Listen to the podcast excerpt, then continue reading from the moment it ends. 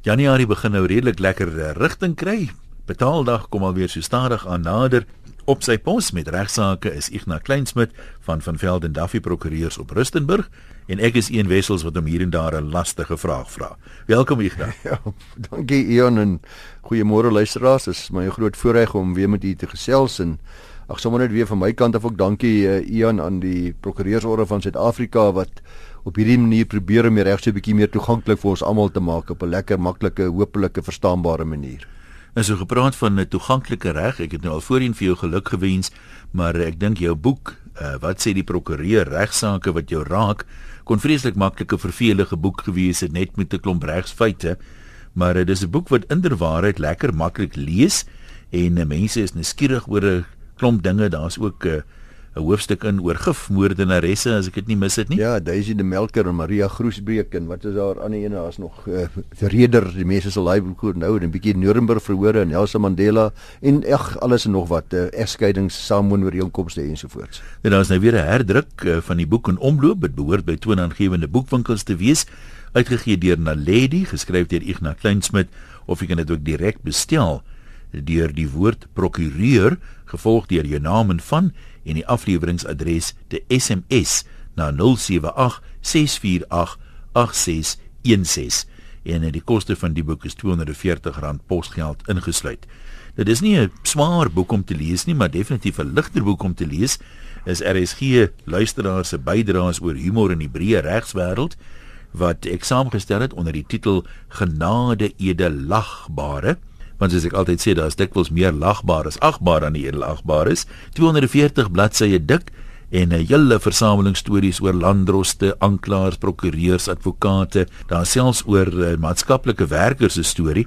Onder andere dink ek nou aan 'n storie Ignas van 'n jong maatskaplike werkster van Bloemfontein wat Kimberley toe moes gaan en vir haar prakties moes sy nou onderhoude gaan voer met mense. En daar's toe 'n huis waar 'n klomp mense bly waar ehm um, dinge nie altyd so glad loop soos dit hmm. moet nie. Onder andere is daar 'n ongehuide moedertjie en 'n baba. En sy moet nou agter die kap van daai byl gaan kom en dit sê daar aankom. Toe sê sy is uh, al die ander mense is uh, volgens haar by die werk. En sê sy en hakkies lees kruip iewers weg want hulle werk nie sommer nie. en hier sit die ma met 'n sigaret en die babatjie op die skoot.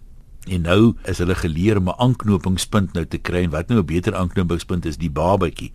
Nou vra sy vir die vir die mamma, ag is dit nou nie 'n ba oulike ou babatjie nie. Hoe oud is hy nou? En sy sê die mamma vat so 'n diep teug aan haar sigaret en sy blaas hier rook so uit. Sy sê: "Nee, ek weet nie, maar sy slag dan nou kom al uit." nee, Ian, ek kan nie ek kan die boek met 'n uh, met groot vrymoedigheid aanbeveel. Ek lees so stukkie vir stukkie en uh, raak ek nog die nag wakker en ek lag ou Saramala, hoekom lag ek so lekker as ek man ek het weer 'n paar van Ian se versamelings uh, grappe gelees. Weet ook steeds nie waar daar voorraad is nie, maar dit verander maar dag by dag en ons kry nou nie 'n voorraad lys nie, maar vra by jou boekwinkel as hy nie daar is dat hulle hom vir jou bestel. Lapa Uitgewers gee hom uit. Die titel Genade edelagbare, een wessels is die samesteller en jy kan hom ook koop by die webwerf lapa.co.za of deur Lapa te skakel by 012 4010700. Daar is ook 'n e-boek weergawe beskikbaar by amazon.com wat uh, vir al vir Suid-Afrikaners oor see dink ek ideaal sal wees en 'n CD wat ook direk by Lapa bestel kan word wanneer ek 'n keur van die bydraes lees. En baie baie dankie aan almal wat deelgeneem het aan die boek wat bydraes gestuur het en ook vir die wonderlike terugvoer wat ek sover ontvang het. Jan, ja baie dankie. Die 15 Augustus 2016 is 'n hele klompie maande terug het ek ietsie gesels met die luisteraars oor die kabeldiewe en hoe hulle Moses gaan teekom met die nuwe wet. Ek onthou, ek onthou ja. Wat die 1 Junie 2016 in werking getree is, die wysigingswet op kriminele sake.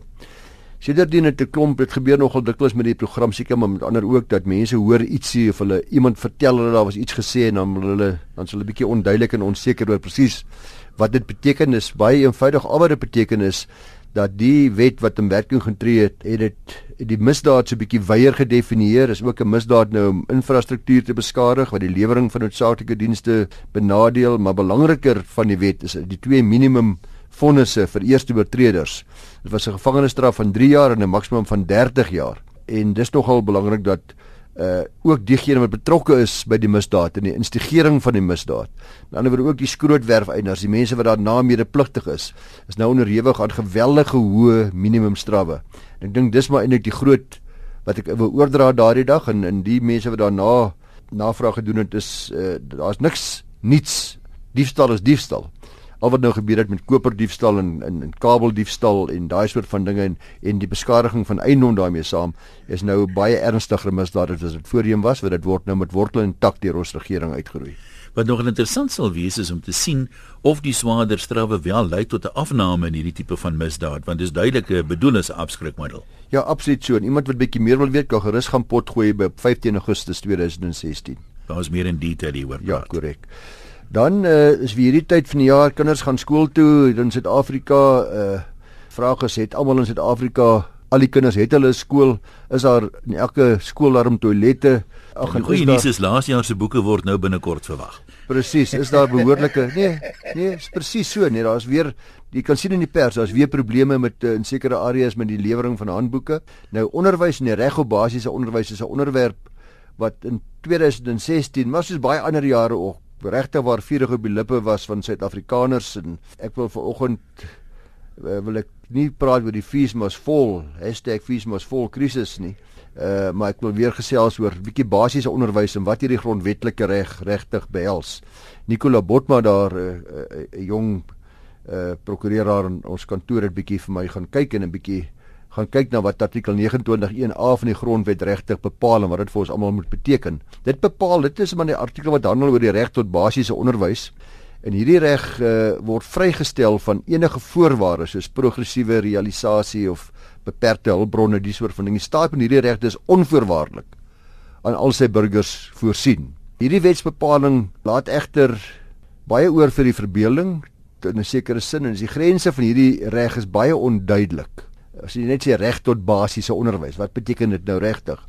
Om oor hierdie reg te beskik is, is een ding, maar die standaard wat in jou verskaf word is natuurlik iets anderste. Nou in die minister van basiese opleiding en ander teen die basiese onderwys vir almal en ander is 'n 2016 saak wat uh, verlede jaar aan die einde van verlede jaar deur die appelhof beslis is, is hierdie vraagstuk baie baie mooi deur die hof bespreek. Limpopo is uh, een van ons land se provinsies wat deur die jare met reuse struikelblokke te doen gehad het ten opsigte van onderwys en veral diensteverskaffing wat uh, met baie probleme gekonfronteer was nog altyd 'n vrywillige organisasie met die naam Basic Education for All of BEFA afgekort BEFA. Hulle is toe in die lewe geroep om hierdie onderwyskrisis dan in Limpopo bietjie aan te spreek en te probeer beredder en hulle is dan ook die mense wat nou hierdie saak aanhangig gemaak het. Die provinsie se teespoed is vererger met die departement van basiese onderrig is 'n aanname vir 'n nuwe kurrikulum. In effek het hierdie nuwe kurrikulum natuurlik nuwe handboeke beteken. So die nuwe jaar met die gewysigde kurrikulum aanvang geneem, maar uh, was daar ongelukkig nêrens 'n oorstem ooreenstemmende handboeke te sien nie. Nou BFA het besluit om die saak namens die skole in die omgewing se moederlose personeel as ook leerders en, en dit te behartig en 24 skole is as respondente gevoeg by die aansoek. Die Noord-Gautengse Hooggeregshof is as die hof van eerste instansie genader en hierdie hof het nie gehuiwer om 'n bevel uit te vaardig wat die departement verplig het om handboeke aan die skole te lewer nie. Die bevel is egter onderhewig gestel aan 'n bepaalde tydlyn wat prestasie betref. Uiteindelik is daar toe nie gehoor gegee aan hierdie Hooggeregshof se ondubbelsinnige bevel nie departement het werklik ja, glo dit as jy wil weer eens versuim, nie tenstaan 'n bevel om die handboeke binne die bepaalde tyd te lewer en dit het tot verdere litigasie gelei en die tydlyn is toe herhaaldelik gewysig, weer eens gewysig. Uiteindelik het die departement ons hoogste hof van appel met hierdie saak genader en die Hooggeregshof eh, die ho die Hoër Hof van Appel in Bloemfontein het vervolgens hierdie appel van die departement aangehoor maar uh, het die hof nie vir hulle enigsins gelyk gegee nie. Aan die een kant het die hof erken dat die taak om 'n nuwe kurrikulum in te faseer weliswaar nie eenvoudig een is nie. Aan die ander kant sê die hof, die hof het baie duidelik gemaak dat dit niks meer is redelik is om dan lank vooraf deeglik te beplan met die uitfasering van die bestaande kurrikulum en die infasering van die nuwe kurrikulum nie. Dit is die minste wat jy kan verwag. Die wanprestasie van handboeke sê die hof was eie aan Limpopo Hoekom het die ander provinsies nie dieselfde probleem gehad? Hoekom kon hulle hulle take uh, sonder die nodige versuim verrig het? Vervolgens is die geaffekteerde leerders as slagoffers van onbillike diskriminasie beskou deur die hof en die hof het duidelik gemaak dat basiese onderrig en dis 'n belangrike deel van hierdie hofsaak maar net ons weet dit eintlik almal maar dit is net weer eens herbevestig beklemtoon deur die hof in baie mooi taal dat eh uh, die reg op basiese onderrig is die, die mees waardevolle komponent tot die aandrywing van transformasie in ons samelewing tot die daarstelling van transformasie die staat moet verseker dat kwesbare groepe in hierdie geval arm kinders grondwetlike beskerming in hierdie opsig geniet. Uh so dit kan nie betwyfel word nie, dit kan nie bevraagteken word nie, dis nie onderhandelbaar nie. Met verder oorweging van die reg tot basiese onderrig soos dit eers sit in ons grondwet, het die hof verklaar dat handboeke en die benutting daarvan sentraal tot die realisering van hierdie reg is. Daar's bevind dat artikel 29 in hakkies 1 en hakkies A inhoudelik wel voorsiening maak vir elkeen se reg om met die aanvang van elke nuwe skooljaar voorsien te word van 'n gepaste handboek vir elke liewe vak. Nou daar's vervolgens bevind dat nie net die leerdlinge se grondwetlike reg op basiese onderwys deur die staat se versuim geskend is nie, maar ook hulle regte op gelykheid, dis artikel 9 en die menswaardigheid artikel 10. Hierdie uitspraak luisteraars is 'n baie oulike, baie goeie uitspraak. Dit maak dit duidelik dat die hof uh, toegespits is, uh, konsentreer daarop om die toekoms en behoeftes van ons jonger generasie te voorsien uh basiese onderwys is die sleutel tot verandering van nie net die leerders se eie omstandighede nie, maar ook uh hulle gesinne sinne en in ons samelewing sinne.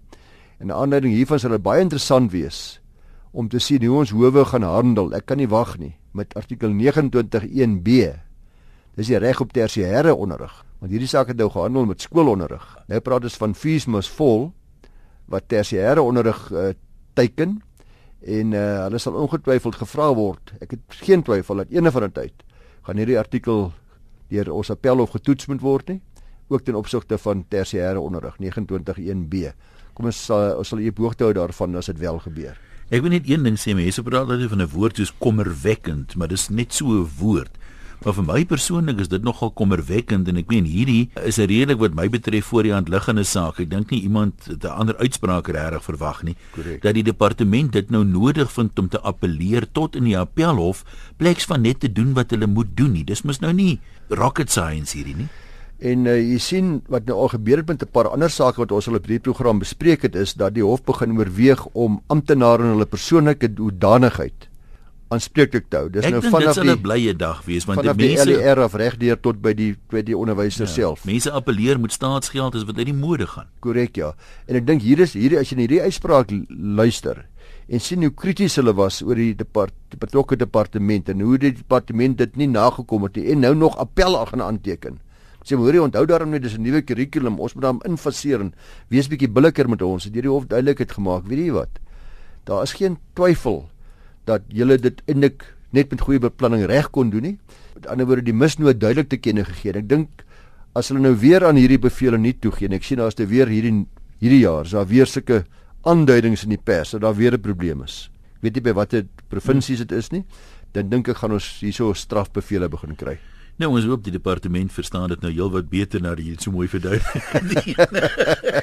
Luisteraars, uh, in 'n egskeringssaak was die kontakregte en toesig oor die minderjarige seun die die hoofprobleem, die primêre sorg van die seuns by die moeder en tydens die voorverhoor is die moeder toe deur die hof voorgeskryf om in terme van 'n sekere artikel 'n afspraak te reël met 'n verteenwoordiger van die gesinsadvokaat, die familieadvokaat se kantoor. Nou die familieadvokaat van die wat u van nie weet nie is 'n is 'n is 'n kantoor wat deur die staat geskep is, is volkundiges regsgeleerdes as ook uh, maatskaplike werkers ensovoorts wat dan nou vir mense kan help met betrekking tot gesinsprobleme uh, en veral dan wanneer dit gaan ook oor toesig en beheer oor kinders en die soort van geskille wat ontstaan as deel van huismoles. In hierdie geval het die hof nou gesê mevrou jy moet asseblief na die gesinsadvokaat toe gaan. Reële afspraak dat jy bietjie dat daar dat daar gekyk word na hierdie probleem wat daar is. Tydens die afspraak moes hulle die minderjarige in sy huishoudelike omstandighede evalueer dat, dat hulle vir die hof kan behulpsaam wees. En hierdie moeder het toe nou in hierdie saak van MT versus CT ook aan die einde van verlede jaar aan die Weskaap is die moeder skuldig bevind. Die vraag is of sy skuldig moes wees aan minagting van die hof omdat sy nie gehoor gegee het in hierdie voorskrif van die voorsitter regter wat gesê het sy moet hierdie afspraak gemaak in terme van die eenvormige hofreël 37 en 'n subartikel daarvan nie. Die moeder is daarna vir dieselfde hof gedaag om te antwoord op 'n aanklag vir minagting van die hof. Die moeder was op hierdie aanklag vir die hof verteenwoordig deur die advokaat wat op die wat op hierdie spesifieke punt slegs as adviseur vir die hof opgetree het, Amicus Curiae, met ander woorde die hof sê ek wil jou kom help asseblief my hier. So ek wil jy moet vir die vrou optree en die en die hof uh, dis die advokaat uh, na sy argumente geluister, na sy argumenteer dat die voorskrif wat gestel is deur die hof nie 'n bevel van die hof was nie en dat die betrokke aanklag dis nie minagting van 'n hofbevel nie want dit is net maar 'n versoek 'n voorskrif eintlik noem dit so. Nou uh die regter Gamble het voorgehou dat die moeder se optrede om nie aan die hofvoorskrif gehoor te gee nie wel moetswillig en met opset was. Die regter bepaal verder dat hierdie tipe gedrag wel aangespreek kan word deur minagting van die hofverrigtinge en die die voorskrif wat deur die hof gestel was om aan aan te voldoen is 'n verpligting. Uh, dis verpligtend in so 'n ondersoek wat deur die familie gesinsadvokaat en sy verteenwoordigers gedoen moet word. En die hof sê dat jammer in hierdie geval kan hy nie anders as om waarskynlik te bevind nie en sy het wel die hof geminnig. Die partye sou toe later geleentheid kry om die hof weer toe te spreek op nie toe te spreek oor 'n gepaste straf. Die saak is so uitgestel en uh, Leandri Koen daar van uh, ons kantoor het onderneem om vir my vas te stel met tyd wat die straf toe was van hierdie uh, vrou want Leandri het hierdie saak vir my voorberei dankie Leandri Dis nie bloot speletjies nie, maar dikwels misdadig. Waarvan praat ek? Ek praat van ontgroening. Dit word ons nou baie keer sommer net as groot lekker pret onskou en ek dink baie van ons luisteraars het gehoor of gelees van die ontgroening wat plaasvind in die koshuis van die Hoër Landbou Skool Noord-Kaapland al 'n jaar gelede, die begin van 2016. Nou die skokkende feite daar in die lig gekom oor die ontgroening van 'n sekere jong man wat toe 19 jaar oud was. Ek wil nie meer sy naam nou weer noem nie. Weer die pyn laat oorgaan nie, maar die seuns wat hom ontgroen het is onlangs in Julie maand uiteindelik gefonnis. Die sewend ongroenis is aan 'n uh, eh, leukemie dood ongeveer 3 maande voor die vonnisdatum, ongelukkig. Hy het dus nooit die voordeel gehad om te hoor wat die strawwe was vir die ander jong manne wat hom so wreed mishandel het onder die vaandel van sogenaamde ongroening nie. Aanvanklik was daar 'n emmer water oor hom uitgegooi en hy was gedwing om opstoot te doen en hy's geslaan met 'n plastiekpyp was hy op daai stadium al siek of het enig iemand geweet van sy toestand? Nee, nee, ek dink nie dit dit, nee. dit dis verwant met mekaar. Ek twyfel. Ek ek Goed. spekuleer ook maar, maar ek dink nie dit is verwant nie. Hy is toe met 'n uh, later kwater want uh, later die aand moes hy toe kaal uittrek en dis wat so dikwels deel was van hierdie ontgroening by tye dat dat naaktheid was deel daarvan wat ek nooit kon begryp nie. En hy is toe met gordels aan 'n bed vasgebind en hy is met room, seep en uh, haarmiddel, shampoo en politoer besmeer.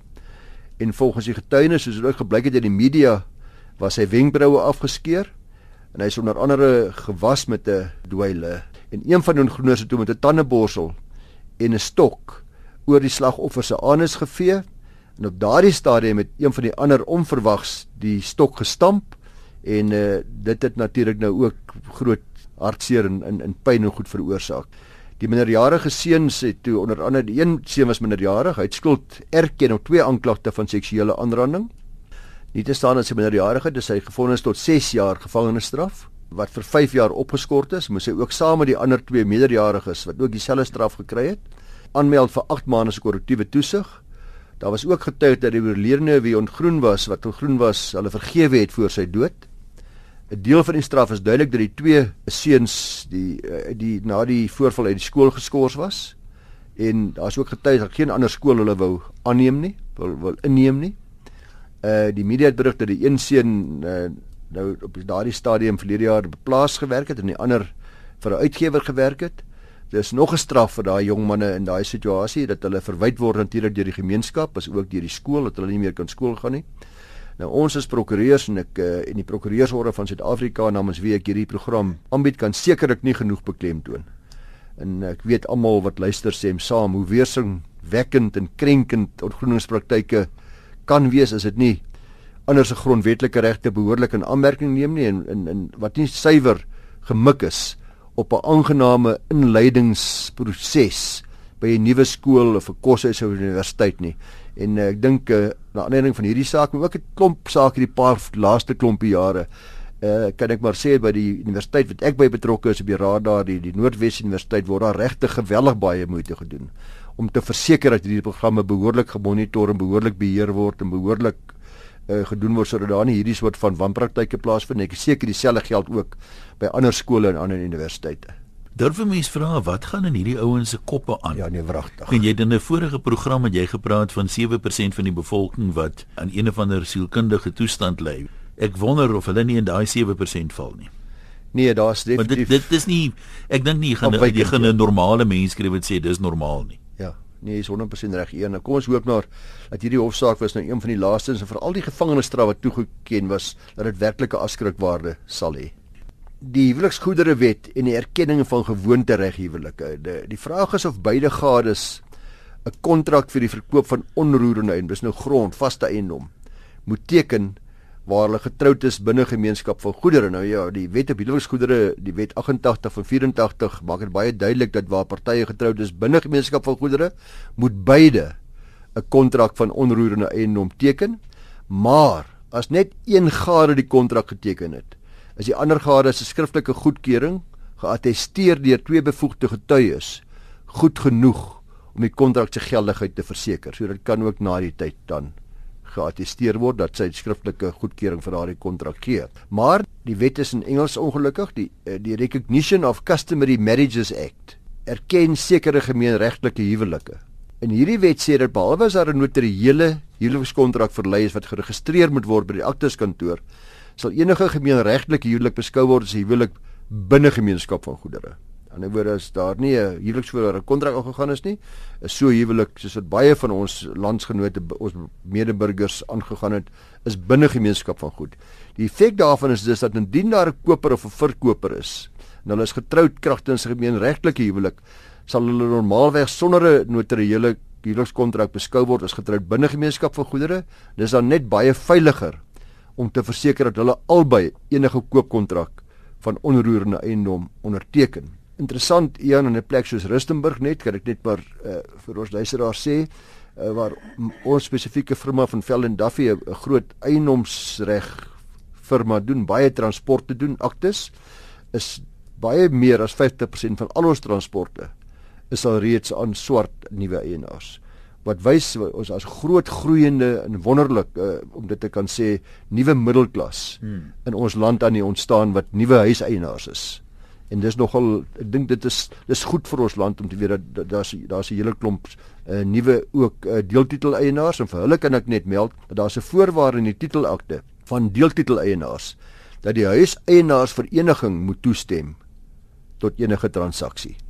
Uh dis nou verkoping nê van daai deeltitel van daai titelakte. Die vraag het ontstaan onlangs in ons kantoor wat die party te doen staan en daar indien daar op daardie stadie nie behoorlike huiseienaarsvereniging is nie omdat die vereniging disfunksioneel is. Onthou nou die transport moet aangaan. Nou skoon ek kom agter maar daai vereniging het tot niet gegaan. Hy het by plat geval. Daar is nou nie meer 'n huiseienaarsvereniging nie. Nou ongelukkig het ons vasgestel daar's niks wat jy daaraan kan doen nie.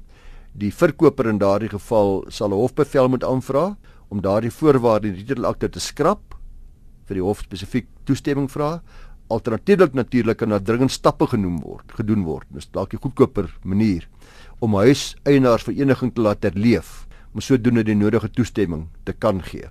Dis ongelukkig nie goed genoeg om net toestemming van al die eienaars te kry nie. Maar nou ons het gedink kom ons gaan by huis tot huis om. Al die woonstelle en vra teken net gou julle gee almal toestemming. Ons het uh, vasgestel dit gaan nie werk nie dit moet deur 'n verkose huiseienaarsvereniging gegee word. Die wet is daaroor baie duidelik. Dit laat natuurlik nie weer die vraag ontstaan op watter gronde hulle toestemming kan weier en wat sal dan die regseffek daarvan wees? Ek is nie bewus dat daar al ooit toestemming geweier is. Ek kan ook nie dink waar wat die gronde daar sou wees nie, maar ek hou nie van jou nie. Jy lyk soos 'n raasgat. Ja.